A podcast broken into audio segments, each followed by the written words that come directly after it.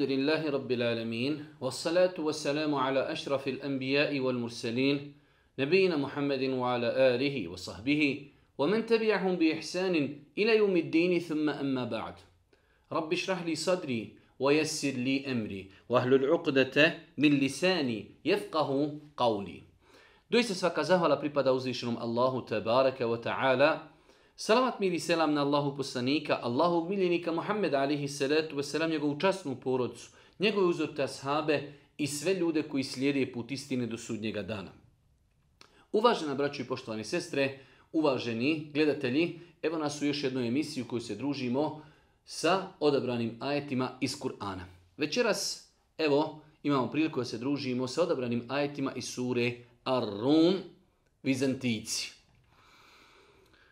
Ova sura je prva sura u 21. džuzu Kur'ana. Znači mi znamo da Kur'an ima, da je podijeljen, da ima 600 stranica i da je podijeljen u džuzeve. Svaki džuz otprilike ima 20 stranica. Mi smo, hvala uzvišnom Allahu Tebarak Vetala, završili dvije trećine Kur'ana, 20 džuzeva. Sa ovom surom počinjemo, ako Bog da, u 21. džuz sura Ar-Rum Bizantici.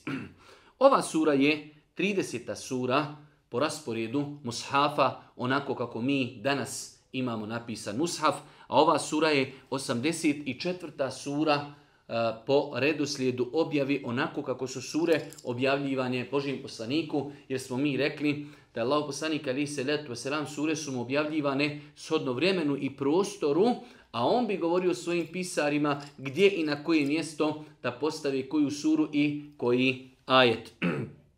Ova sura objavljena je nakon sure El Inšiqaq, a prije nje je objavljena sura El Ankebut, o kojoj smo mi već govorili.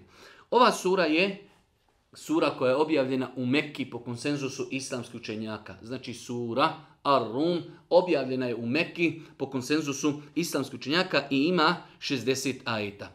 E, mi smo već zaista dosta puta govorili o tom i e, o odlikama mekanskog perioda i mekanske objave, tako da nema potrebi da to non stop ponavljamo. Mekanski period je period znači kada su muslimani bili slabi, kada su živjeli u Mekki, e, kada je u pitanju ekonomska, fizička i svaka neka druga nadmoć, to je bila nadmoć Kurešija nad muslimanima pa je i objava išla u tom pravcu da su ljudi odgajani, da vjeruju u Allaha, da vjeruju u sudnji dan, da se oslanjaju na Allaha, da popravljaju ahlak, da vjeruju u proživljenje, da vjeruju u sudnji dan i tako dalje. Dok kada je u pitanju Medina, kada je Allah poslanik ali se letu selam učinio hijđru, to je vreć vrijeme osnivanja države, tek tada znači su objavljivani mnogi propisi, pa je znači period Meki jedinstven, a period Medine je opet nešto drugo. Sura rum Bizantici. Za vrijeme Božih poslanika, ali salatu eh, na svjetskoj sceni gledajući, eh, postojale su svakako dvije velike vele sile tog vremena. Imali smo Perziju na jednoj strani, a imali smo Rim, Vizantiju ili već kako, kako ih zovu na jednoj strani. E, kada su u pitanju vizantici, oni su bili kršćani, slijedili su vjeru Isa e, i salatu koliko je sad to iskrivljeno bilo, koliko nije, mi u to ne ulazimo, ali generalno su bili kršćani. Kada su u pitanju Perzijanci, Perzijanci su bili e, mušici, bili su znači vatropoklonici. Pa je se desilo za vrijeme Božih poslanika, ali se letu veselam, u samim tim njegovim početcima, u samim početcima e, eh, njegove poslance, desila je se jedna bitka na svjetskoj sceni između e, Vizantijaca i Perzijanaca, gdje su Perzijanci pobjedili Vizantice.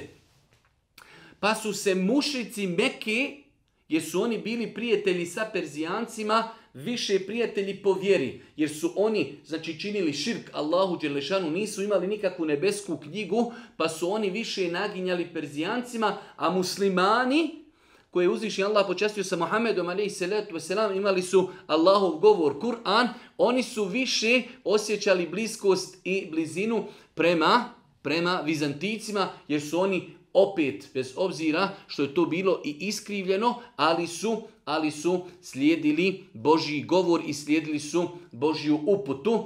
Pa je došlo znači do te jedne velike historijske bitke, pa su pobjedili Perzijanci, pa su se mušnici Meke radovali. I onda dolazi objava ove sure. Ovo nam je veoma bilo bitno, znači kao jedna uvertira da shvatimo povod objave ove sure. Znači na svjetskoj sceni u to vrijeme kada se Allah poslanik ali se selam pojavio, na svjetskoj sceni su bile dvije velike vele sile. Imali smo s jedne strane Perziju, imali smo jednu, s jedne strane Vizantiju. E, Perzijanci, kada je u pitanju njihova vjera, su bili vatropoklonici, a e, Vizantici su bili kršćani. Mekelije, znači ljudi koji e, su živjeli u to vrijeme u Mekke, oni su činili širk, obožavali su kipove, zbog toga su bili bliže Perzijancima, a muslimani su bili bliže bili su bliže Vizanticima, zato što su Vizantici opet imali nebesku knjigu i živjeli su po tomi. U tom kontekstu, znači, veoma je bitno da znamo znači, e, kako je došlo do objavi ove suri. Kaže uzvišeni Allah subhanahu wa ta'ala u početku ove suri, rekli smo da ima e, više sura u Kur'anu koji počinju sa arapskim slovima. I ova sura počinje sa Elif, La, Mim, Gulibeti, Rum, Fi, Ednel, Ard, hum Min, Ba'di, Galebihim, Sejaglibun, Fi, Bid'i, Sinin. لله min ba'du قبل ومن بعد ويومئذ يفرح المؤمنون بنصر الله Yansuru men ješa'u wa huwa al-azizur rahim. Wa'ad Allah, la yukhlifu Allahu wa'deh, walakin akthara nasi la Alif Elif Bizantici, Rimljani su pobjeđeni u susjednoj, a po jednom prijevodu najnižoj, najnižoj zemlji. Ali oni će poslije poraza svoga sigurno pobjediti za nekoliko godina. I prije i poslije Allahova je odredba. I tada će se, kada ovi pobjede, i tada će se vjernici radovati Allahovoj pomoći. On, Allah, pomaže kome hoće. On je silan i samilosni. Obećanje je Allahovo, a Allah se obećanje, a Allah će obećanje svoje ispuniti, ali većina ljudi ne zna. Da se vratimo malo na ove ajete i da ih malo prokomentarišemo. Kaže uzvišeni Allah elif la mim Goli Rum, Bizantici, Rimljani su pobjeđeni u susjednoj zemlji. Rekli smo da je se desila ta bitka i Bizantici su pobjeđeni. Dobro, sve do sad to je nešto, e, Kur'an govori o onome što se dešava. Pobjeđeni su Rimljani u strani Perzijanaca, ali odmah nakon toga dolazi jedan termin koji je izuzetno interesantan, fi ednel ard, Mufesiri, mufesiri prijašnjeg vremena, e, znači su tumačili ova riječ ednel ard u susjednoj zemlji. Jer znači arapski poluotok je bio bukvalno u jednom čošku, a sa te dvije strane su bila dvije velike, dvije velike imperije, pa Allah Žešanu kaže fi ednel ard, u susjednoj zemlji, u susjednoj zemlji arapskog poluotoka desila je se desila je se bitka u kojoj su Vizantici izgubili. Fi ednel ard, u redu. Kaže uzvišeni Allah, a oni će poslije poraza svoga sigurno pobijediti za nekoliko godina. Allahu akbar. Evo jednog dokaza istinitosti Kur'ana. Allah Đelešanu ovdje kaže, a oni, Vizantici, će pobijediti za nekoliko godina. Fi bid'i sinin. U arapskom jeziku bid'i znači broj od 3 do 9. Znači oni će u periodu od 3 do 9 godina pobjediti tu veliku Perziju i napraviti jedan veliki historijski preokrit. Kur'an nam, Kur nam ovdje govori o budućnosti i desilo je se nakon sedam godina, nakon sedam godina desila je se ponovo velika bitka gdje su Vizantijici pobjedili Perzijance. Allahu ekber.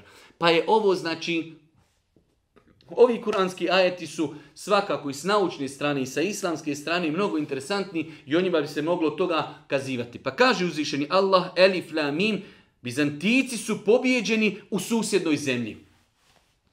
Po drugom tumačenju, el Ard, najnižoj zemlji.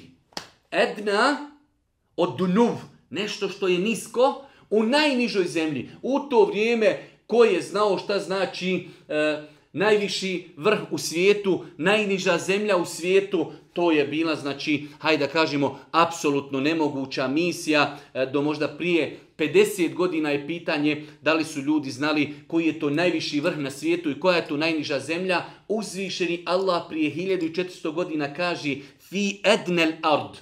Bitka između Vizantijaca i, i Perzijanaca desila je se u jednom prosjeku nizini. Nizine, kao što mi imamo panonska nizija, nizina koja se proteže između Mrtvog mora i Taberijskog jezera. Danas se to može otići. Ja sam to danas gledao na, na Google mapi. Znači ima jedan e, klanac, jedna nizina i zove se Gauru el Urdun ili Gauru e, Gairu Filistin. Nizija Jordanska ili nizija Palestinska koja povezuje mrtvo more sa Taberijskim jezerom. To je najniža zemlja kada je u pitanju e, znači, e, kopno. Ne znači imamo mi dublje tačke na zemlji koje su u morima, koje su u jezerima. Ali ono što je na kopnu najniža tačka jeste baš tu gdje se odigrala ta gdje se odigrala ta e, bitka otprilike po različitim nekim, e, hajde da kažemo, e, brojevima, ali oko 390 ili 400 metara ispod nivoa mora. Najniža tačka ispod nivoa mora je tu. Na tom mjestu gdje se odigrala ta bitka, Allah Žiršan prije 1600 godina kaže Fi ednel ard. U najnižoj zemlji se odigrala ta bitka gdje su oni poraženi i gdje će oni poslije poraziti svoje neprijatelje. Allahu akbar. Ovaj ajet rekli smo na dva načina ukazuje nadnaravnost na nadnaravnost Kur'ana, na istintost Kur'ana, istintost Islama, istintost poslanika. Prva stvar, Allah Žešan kaže, oni će pobjediti fi bid'i sinin u periodu tri 3 do 9 godina oni će ponovo će se desiti bitka i oni će pobijeti i tako je se desilo. I druga stvar, fi ednel ardi, u najnižoj zemlji na zemaljskoj kugli, tada nisu bili poznati svi, znači, e, kontinenti, koji su sada poznati, Allah Žešanu tada prije 1600 godina, jer je on sve znajući, on je stvorio zemlju, on je stvorio nebesa, on kaže ta bitka je se odigrala fi ednel ard u najnižoj zemlji. I danas dođe nauka i mjereći, istraživajući kažu ovo je ovdje, znači 392, 400, 420 metara, to je najniža tačka, znači najniža tačka ispod nivoa mora na zemaljskoj kugli koju je 1400 godina definisao i spomenuo Kur'an. pa kaže uzvišeni Allah subhanahu wa ta'ala Elif Lamim, Bizantici, Rimljani su pobjeđeni u susjednoj zemlji ili najnižoj zemlji. Zna se desiti dosta puta, ne budete zbunjeni, e, da e, kuranski termini imaju više značenja. Pa i ovaj znači e, kuranski termin ednel ard se tumači na dva načina. To je najbliža zemlja arapskom poluotoku, znači od e, strane da je to zemlja koja nije u početku pripadala njima. Pa je se odmah uz granicu s arapskim svijetom odigrala ta velika bitka Ednan Ard.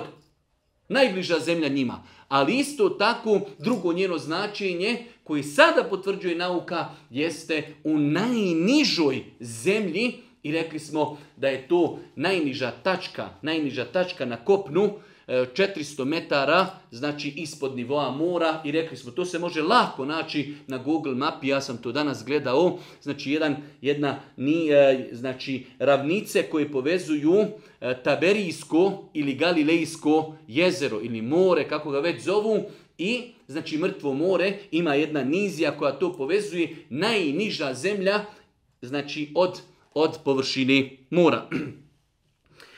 Ali će oni poslije poraza svoga sigurno pobijeti za nekoliko godina.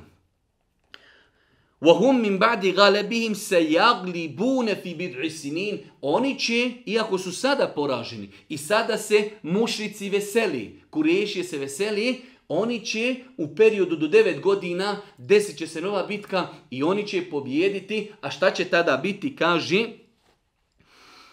sigurno pobjeza nekoliko godina i prije i poslije Allahova je odluka. A tada će se vjernici radovati Allahovoj pomoći. Tada će se vjernici muslimani radovati. Zašto? Rekli smo da u to vrijeme znači muslimani su opet osjećali veću privrženost i ljubav prema kršćanima nego prema perzijancima koji su bili vatropoklonici, koji su činili kufr i širk, znači mnogoboštvo za razliku od kršćana koji su imali, koji su imali nebesku knjigu. On, Allah, pomaže komi hoće Jensuru uh, bi la jensuru men ješa, wa huwa azizur rahim. On je silni i samilosni. Obećanje je Allahovo. Obećanje je Allahovo da će on pomoći koga hoće. In tansurullahe yansurkum Ako vi pomognete Allaha i pomognete njegovu vjeru, i on će pomoći, i on će pomoći vas. A Allah će obećanje svoje ispuniti, ali većina ljudi ne zna. Allah subhanahu je obećao da će pomoći vjernike, i o tome ćemo poslije govoriti, obećao je da će pomoći one koji pomognu Allahovu subhanahu wa ta'ala vjeru, Allahu obećanje je apsolutna istina. Rekli smo ono što je interesantno u ovim ajetima, da ovi ajeti govori o dvije zaista interesantne činjenice i teze, a to je da je uzvišeni Allah tada objavio ajetu kojima je nagovijestio da će Vizantici pobijeti Perzijance u periodu Bid'a Sinin. Bid'a je od 3 do 9 i desilo se nakon 7 godina nova bitka gdje su Vizantici pobjedili kako je Kur'an nagovjestio. A druga stvar jeste ovaj termin fi ednel ard. Bitka je se kaže odigrala ili u susjednoj zemlji ili u najnižoj zemlji što je oba dvije su tačne teorije i susjedna zemlja. To je znači susjedni, e, susjedni e, susjedna zemlja, arapskom polotoku, a Ednel Ard, najniža zemlja, najniža zemlja, znači kada je u pitanju cijela planeta, najniži e, nivo ispod površine mora jeste baš na toj lokaciji, 392, 340 400 ili 420 metara shodno različitim podacima. U sedmom ajetu Allah s.w.t. govoreći o tim ljudima, ne vjeruju uzvišnog, Allah subhanahu ta'ala kaže يَعْلَمُونَ ظَاهِرًا مِنَ الْحَيَاتِ الدُّنْيَا وَهُمْ الْآخِرَةِ هُمْ غَافِلُونَ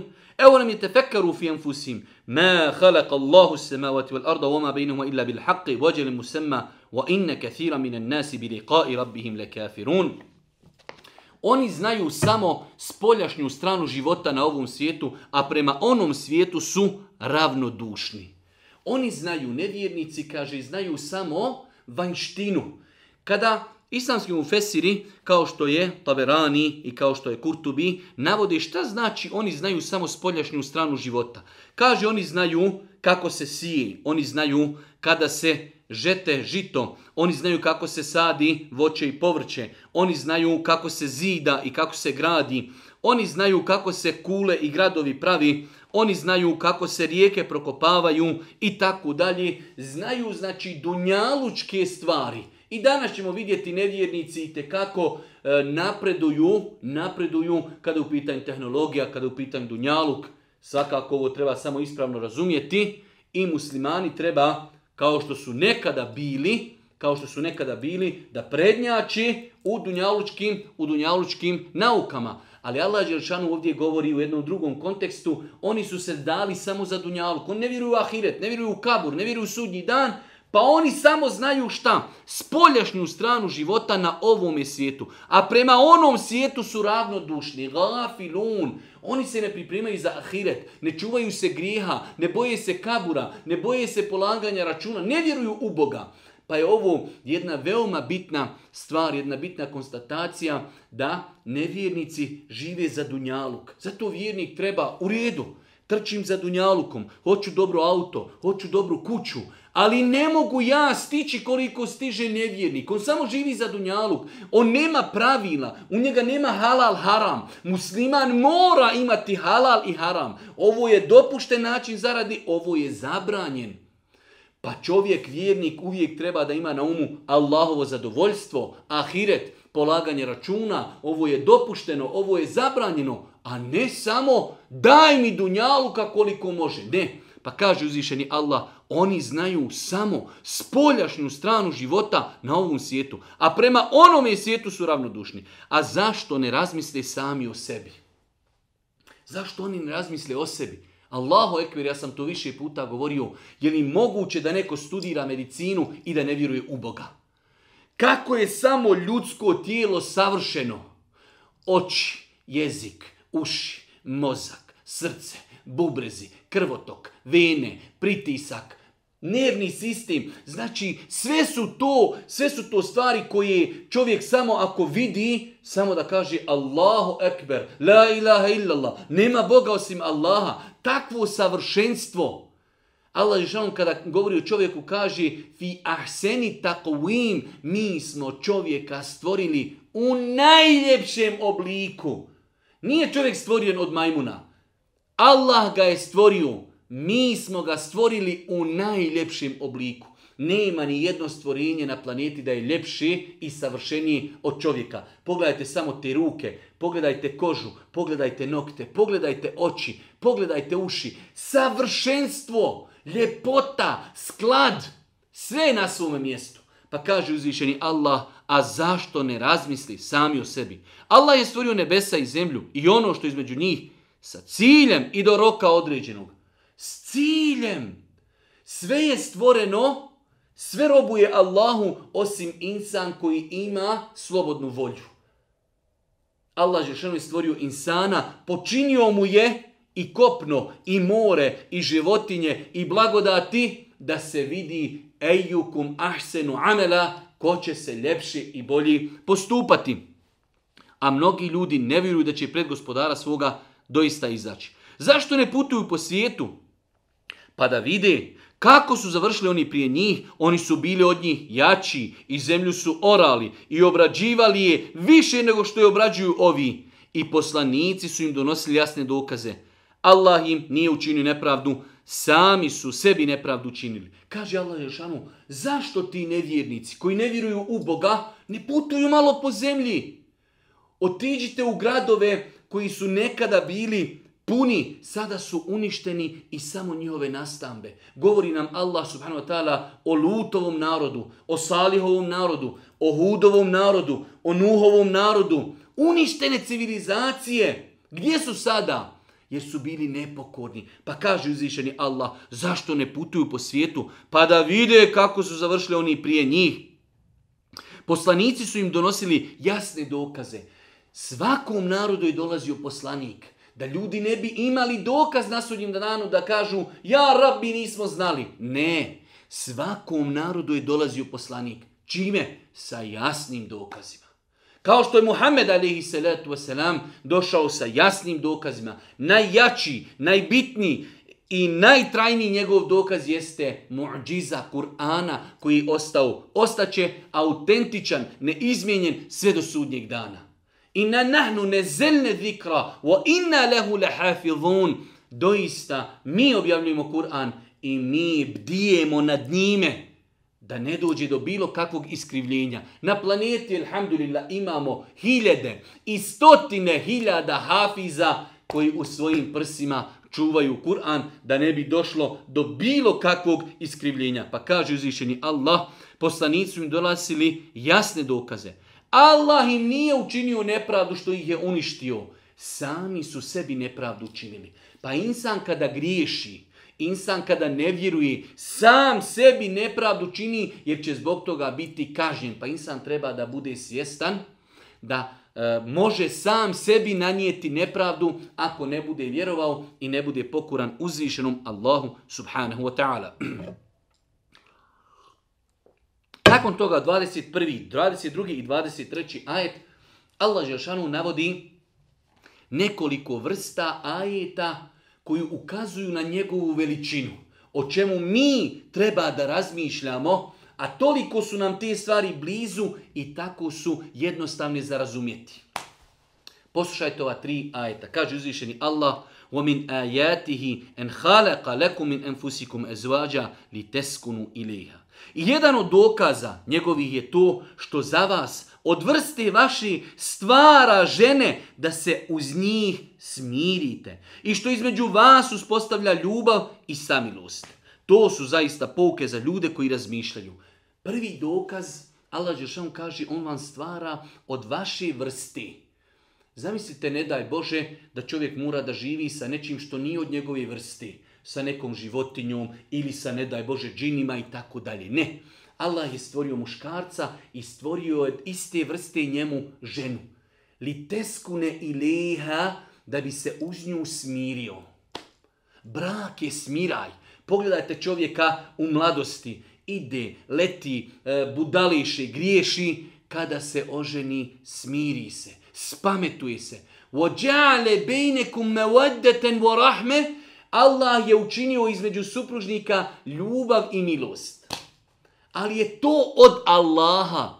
Subhanallah, čovjek odraste na jednom kontinentu, žena odraste na drugom kontinentu, nađu se, upoznaju se, uzmu se u brak i od sutra se voli. Među njima ljubav, milost, potpomažu se, e, znači neopisivo, neopisivo. Allah daje ljubav i milost među supružnicima.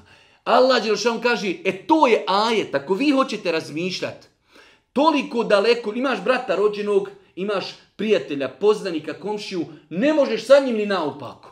Dovede ženu koja je uda se za tebe s drugog kontinenta, iz drugog sela, iz drugog grada, drugim jezikom priča.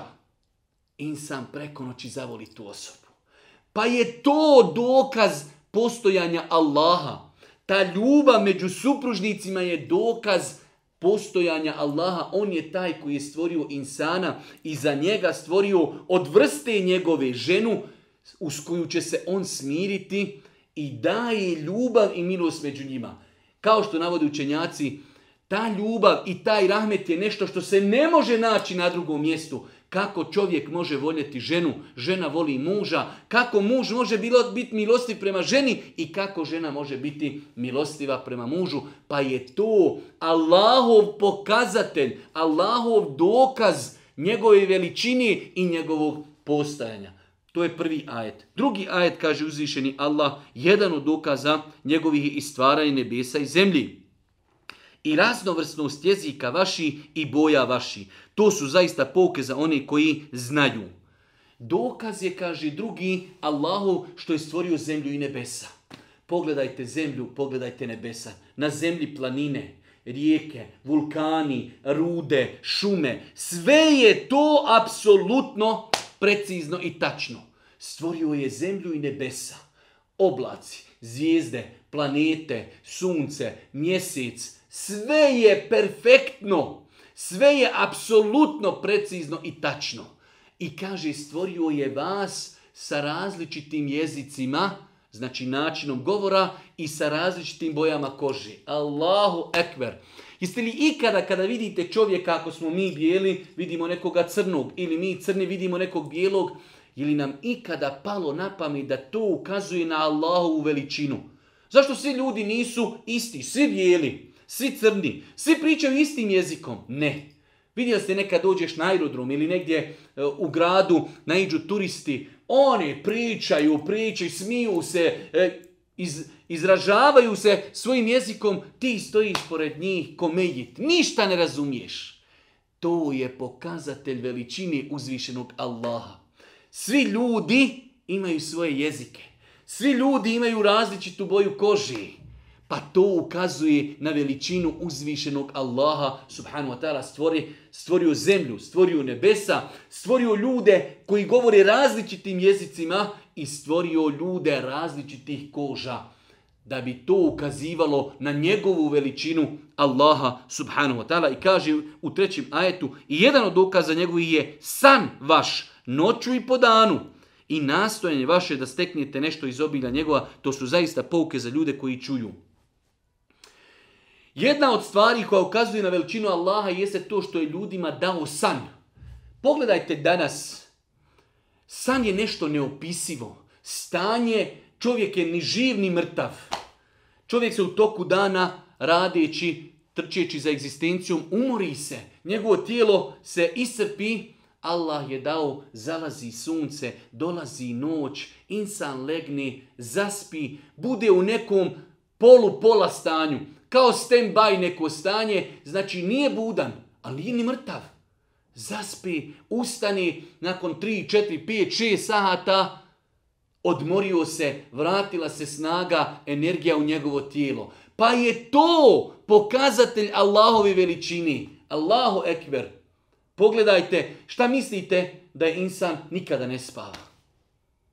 Poludio bi, njegov mozak bi, znači njegovo tijelo bi se toliko isforsiralo da ne bi mogao, da ne bi mogao djelovati. Ali Allah šanu dao, znači u 24 sata, čovjek 12, 14, 16, sati 18, radi, kreće se, tijelo se umorilo, odspava, ustani, refreš, odmorio se, idemo dalje. I tako čitav život. Pa kaže uzvišeni Allah subhanahu ta'ala, jedan od dokaza njegovih je i san vaš, i po noću, i po danju, nekada neko zaspi i danju, neko noću, san koji vas odmara od umora kojih ste zadobili trčeći za nafakum.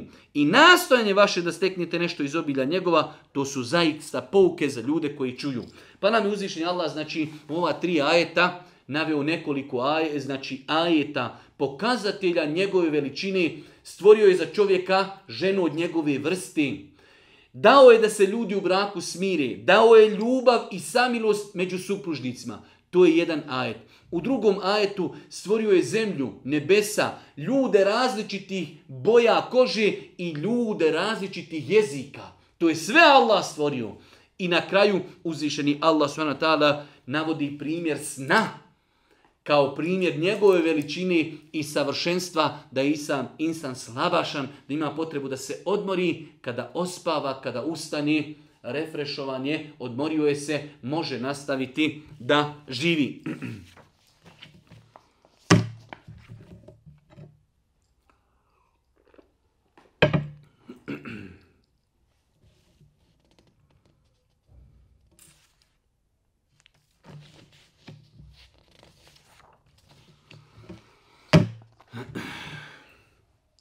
Nakon toga u 36. i 37. 37. ajetu uzvišeni Allah subhanahu wa ta'ala govori o dvije situacije u kojima se čovjek može naći. U blagostanju i u iskušenju. Da vidimo kako se ljudi ponašaju u ove dvije situacije.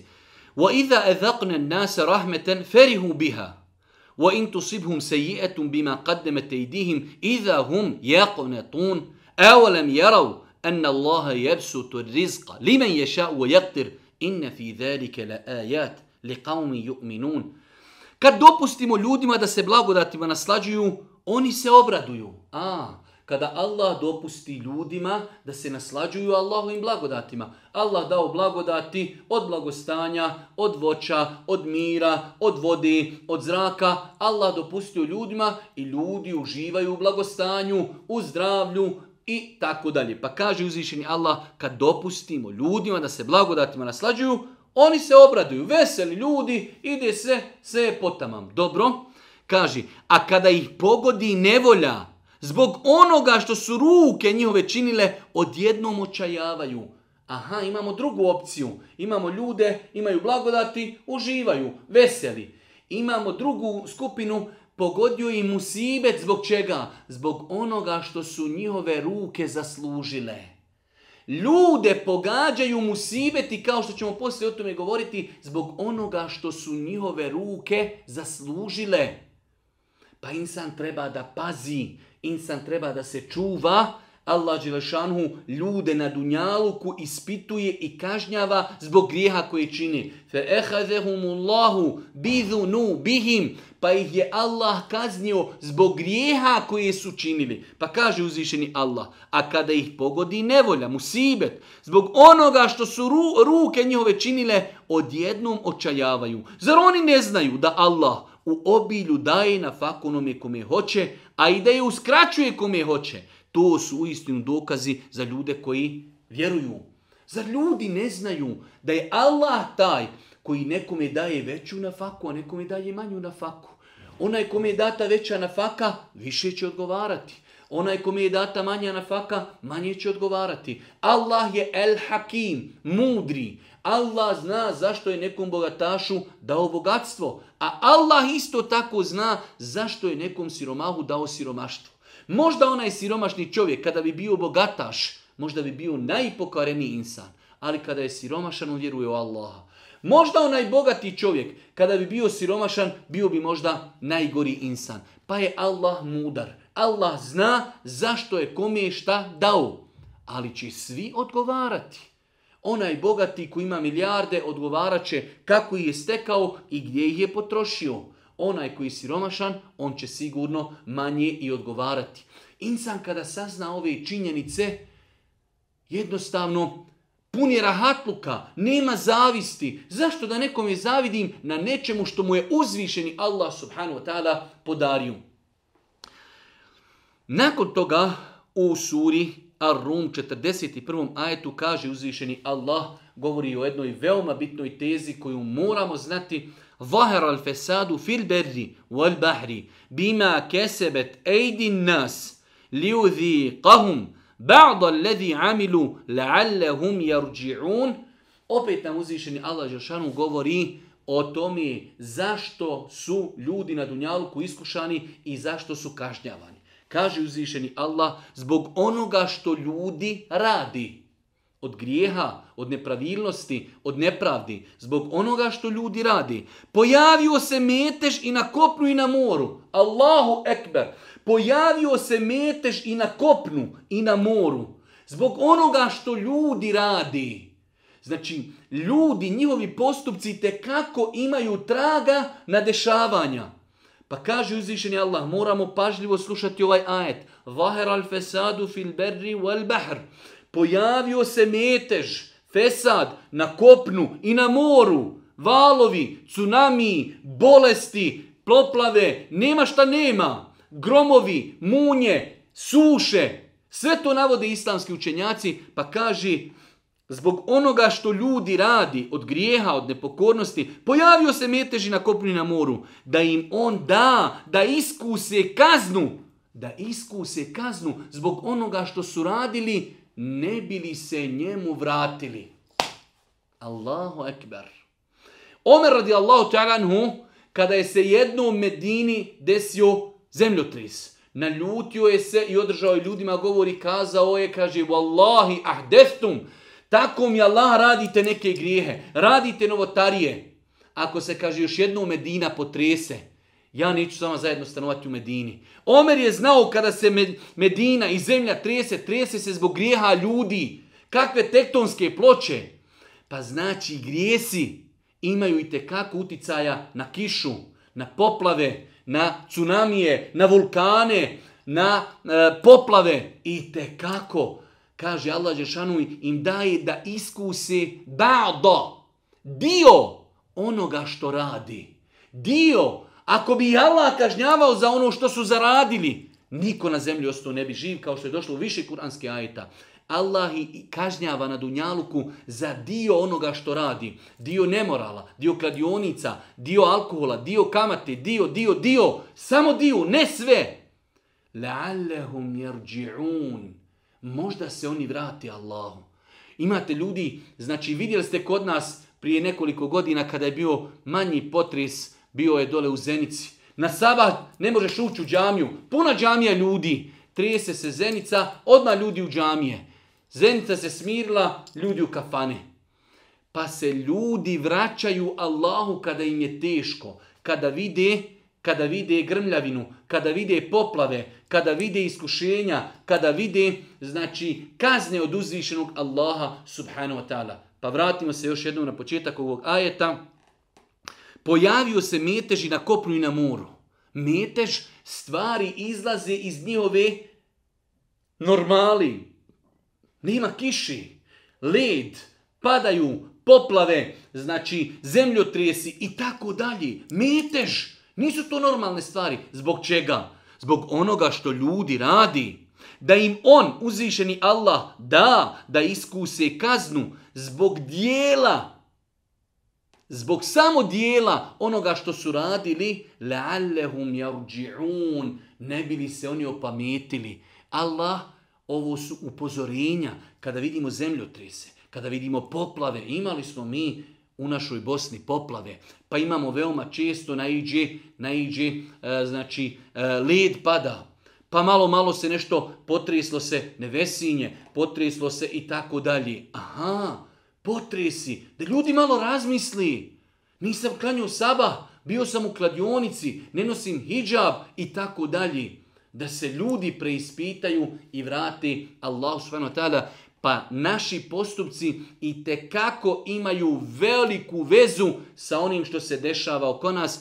Došlo je na Disu da je Allah poslanik kazao da se Allah ne smiluje životinjama. Znači, ne bi ljudima zbog njihovih grija spustio kišu, ali se Allah smiluje životinjama pa spusti kišu da se one, jadne životinje, ne muči pa i kako naši postupci imaju vezi sa onim što se dešava oko nas. Pokornost uzrokuje blagostanje, nepokornost, grijesi, kufr, novotarije i kako uzrokuju iskušenja.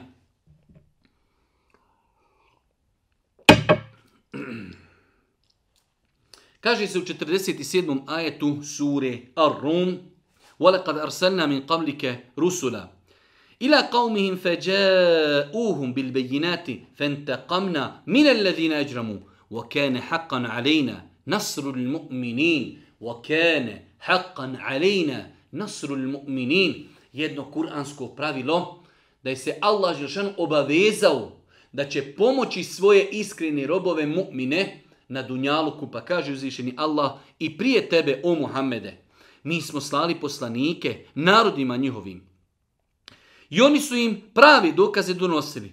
Pa smo one koji su griješili kažnjavali. A dužnost nam je obaveza bila vjernike pomoći. وَكَانَ حَقًا عَلَيْنَا نَسْرُ الْمُؤْمِنِينَ Mi smo, Muhammede, prije tebe slali poslanike. Nisi ti prvi. Ti si zadnji. Prije tebe je bilo poslanika. Pa su se ljudi kada bi došli poslanici podijelili u dvije kategorije. Bili bi oni koji ne vjeruju, bili bi oni koji ubijaju poslanike, oni koji protjeruju, oni koji ulažu tjeruju i oni koji vjeruju. Pa kaže uzvišeni Allah subhanu wa ta'ala فَنْتَقَمْنَا مِنَ الَّذِينَ أَجْرَمُوا Pa smo oni koji su griješili, koji nisu vjerovali, kažnjavali, uništavali. وَكَانَ حَقًا كَانَ حَقًا عَلَيْنَا نَصْرُ الْمُؤْمِنِينَ a mi smo se obavezali da ćemo pomoći one narode koji su vjerovali sa poslanicima. Ali koga? El mu'minin. Kane haqqan alejna. Nama je obaveza, kaže uzvišeni Allah govorići o sebi, nama je obaveza da pomognemo mu'minin, mu'mine koji vjeruju Allaha, koji su pokorni, koji slušaju, koji se pokoravaju, oni mogu očekivati pomoć od uzvišenog Allaha subhanahu wa ta'ala. Nama se dosta puta dešava ljudi gledajući stanje ummeta od istoka do zapada, gori, ljudi se ubijaju, protjerivaju. Šta je ovo? Samo do nas, ništa drugo. Samo do nas. Muslimani na bedru, tri stotine muslimana, mušnika hiljadu. Pet puta bolje od njih naoružani, ali dolazi pomoć od uzvišenog Allaha sa tri hiljade meleka. Završena stvar. Kada Allah pomaži, zbog čega? Zbog imana, zbog vjeri. Pa insan treba da zna muslimani. Njihova slava je u Kur'anu. Njihova pomoć je od Allaha. Kada? Kada oni ispune ono što od njih traži njihov gospodar. Mimo toga ne smijemo pitati ni zaustiti da upitamo a šta je to što Allah ne pomaže muslimane? A zašto muslimani ne praktikuju ono što od njih traži njihov gospodar? Muslimani na Uhudu su samo napravili jedan prekršaj. Pa je taj prekršaj kostao 70 mrtvih ljudi ubijenih. Jedan grijeh, jedan prekršaj. Odmah kazna dolazi. A pogledajte naše društvo. Koliko ljudi ne klanjaju, koliko psuju, kamate, kladionice, razgoličenost, alkohol, droga i svašta nešto mi ne smijemo pomisliti da upitamo zašto Allah ne pomogne muslimane. Inna Allahe la yugayiru ma bi qavmin hatta yugayiru ma bi enfusihim. Allah neće pomoći jedan narod dok oni ne počnu sebe mijenjati. Inna Allahe la yugayiru ma bi Allah neće promijeniti jedan narod i ono u čemu se nalazi od problema sve dok oni ne počnu sebe mijenjati. Pa braću, moja draga i sestre, ovaj ajet jasno nam ukazuje. Problem je u nama. Hoćemo pomoć od uzvišenog Allaha, trebamo preispitati svoj odnos prema uzvišenom Allahu, prema Kur'anu, prema poslaniku, prema obavezama i naš odnos prema haramima.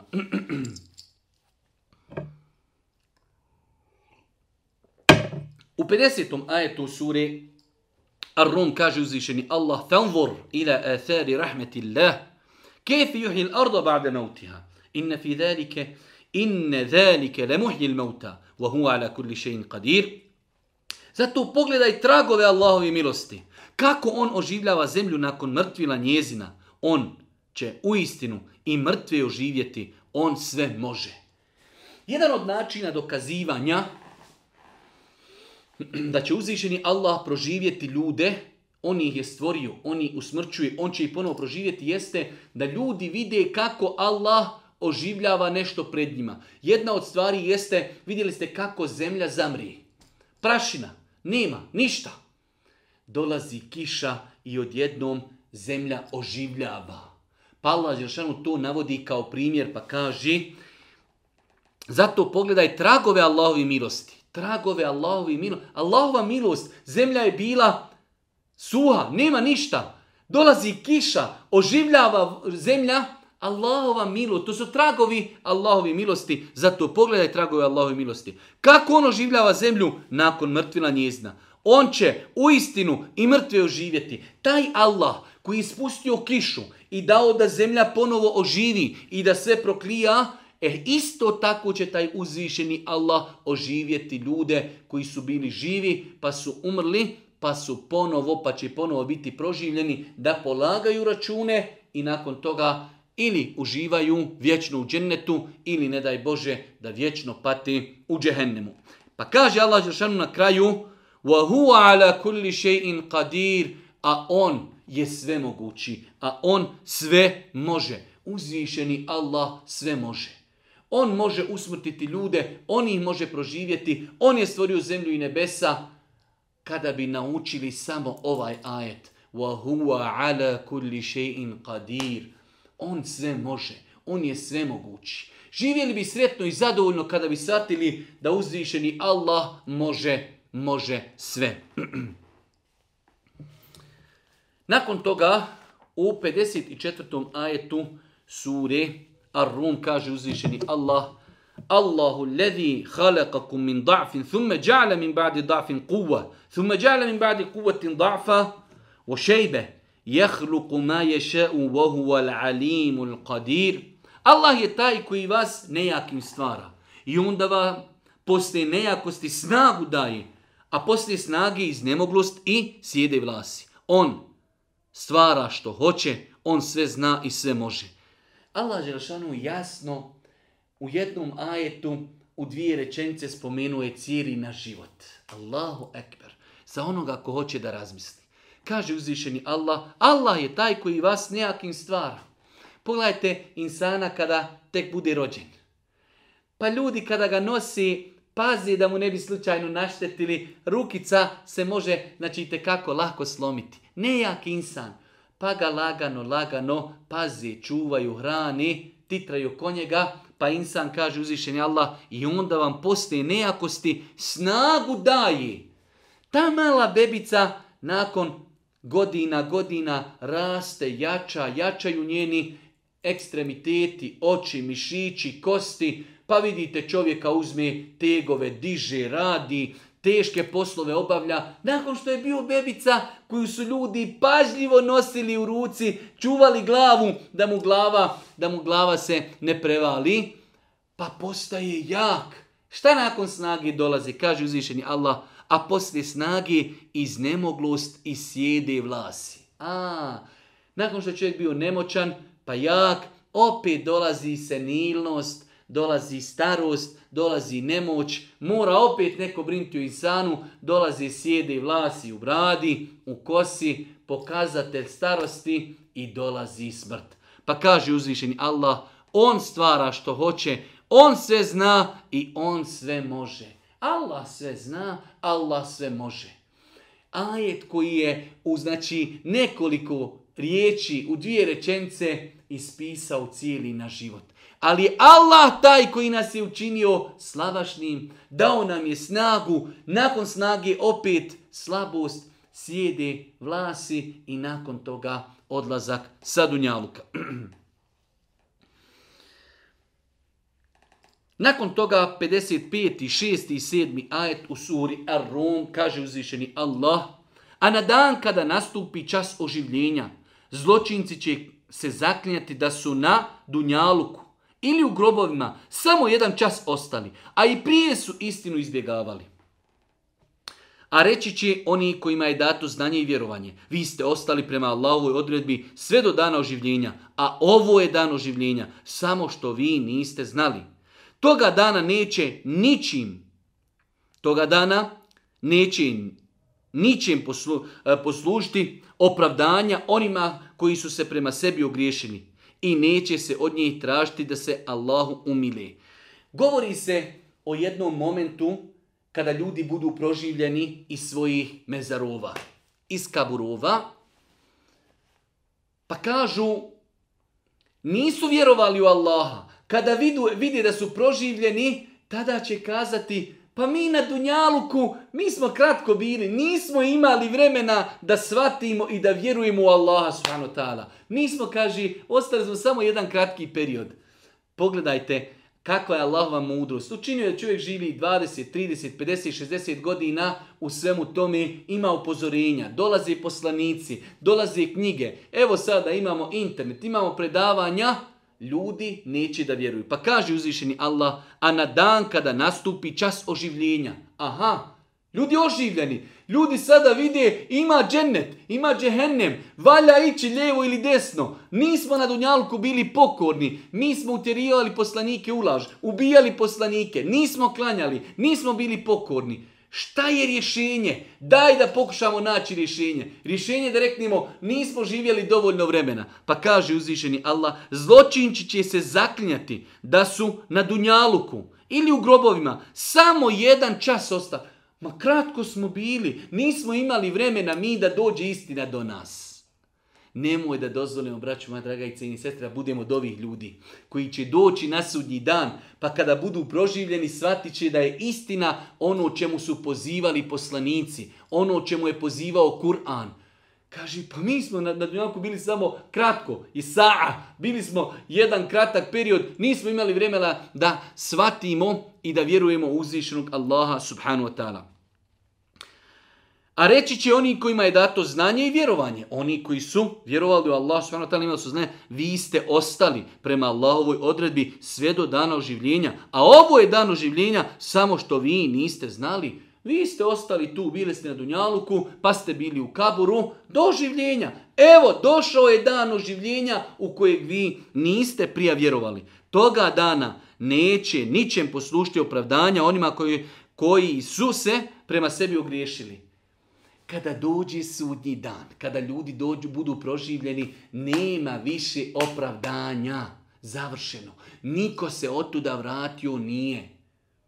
Pa čak i prije toga, kada u smrtne muke nastupe, Rabir dži'un, sjećate se sure Mu'minun, u kojoj Allah na zadnjoj stranici, ako se sjećam dobro, kaže, a kada nekome od njih smrtne muke dođu, kažu, gospodaru, vrati me, Daj da neko dobro uradim. Kele, nemoguće.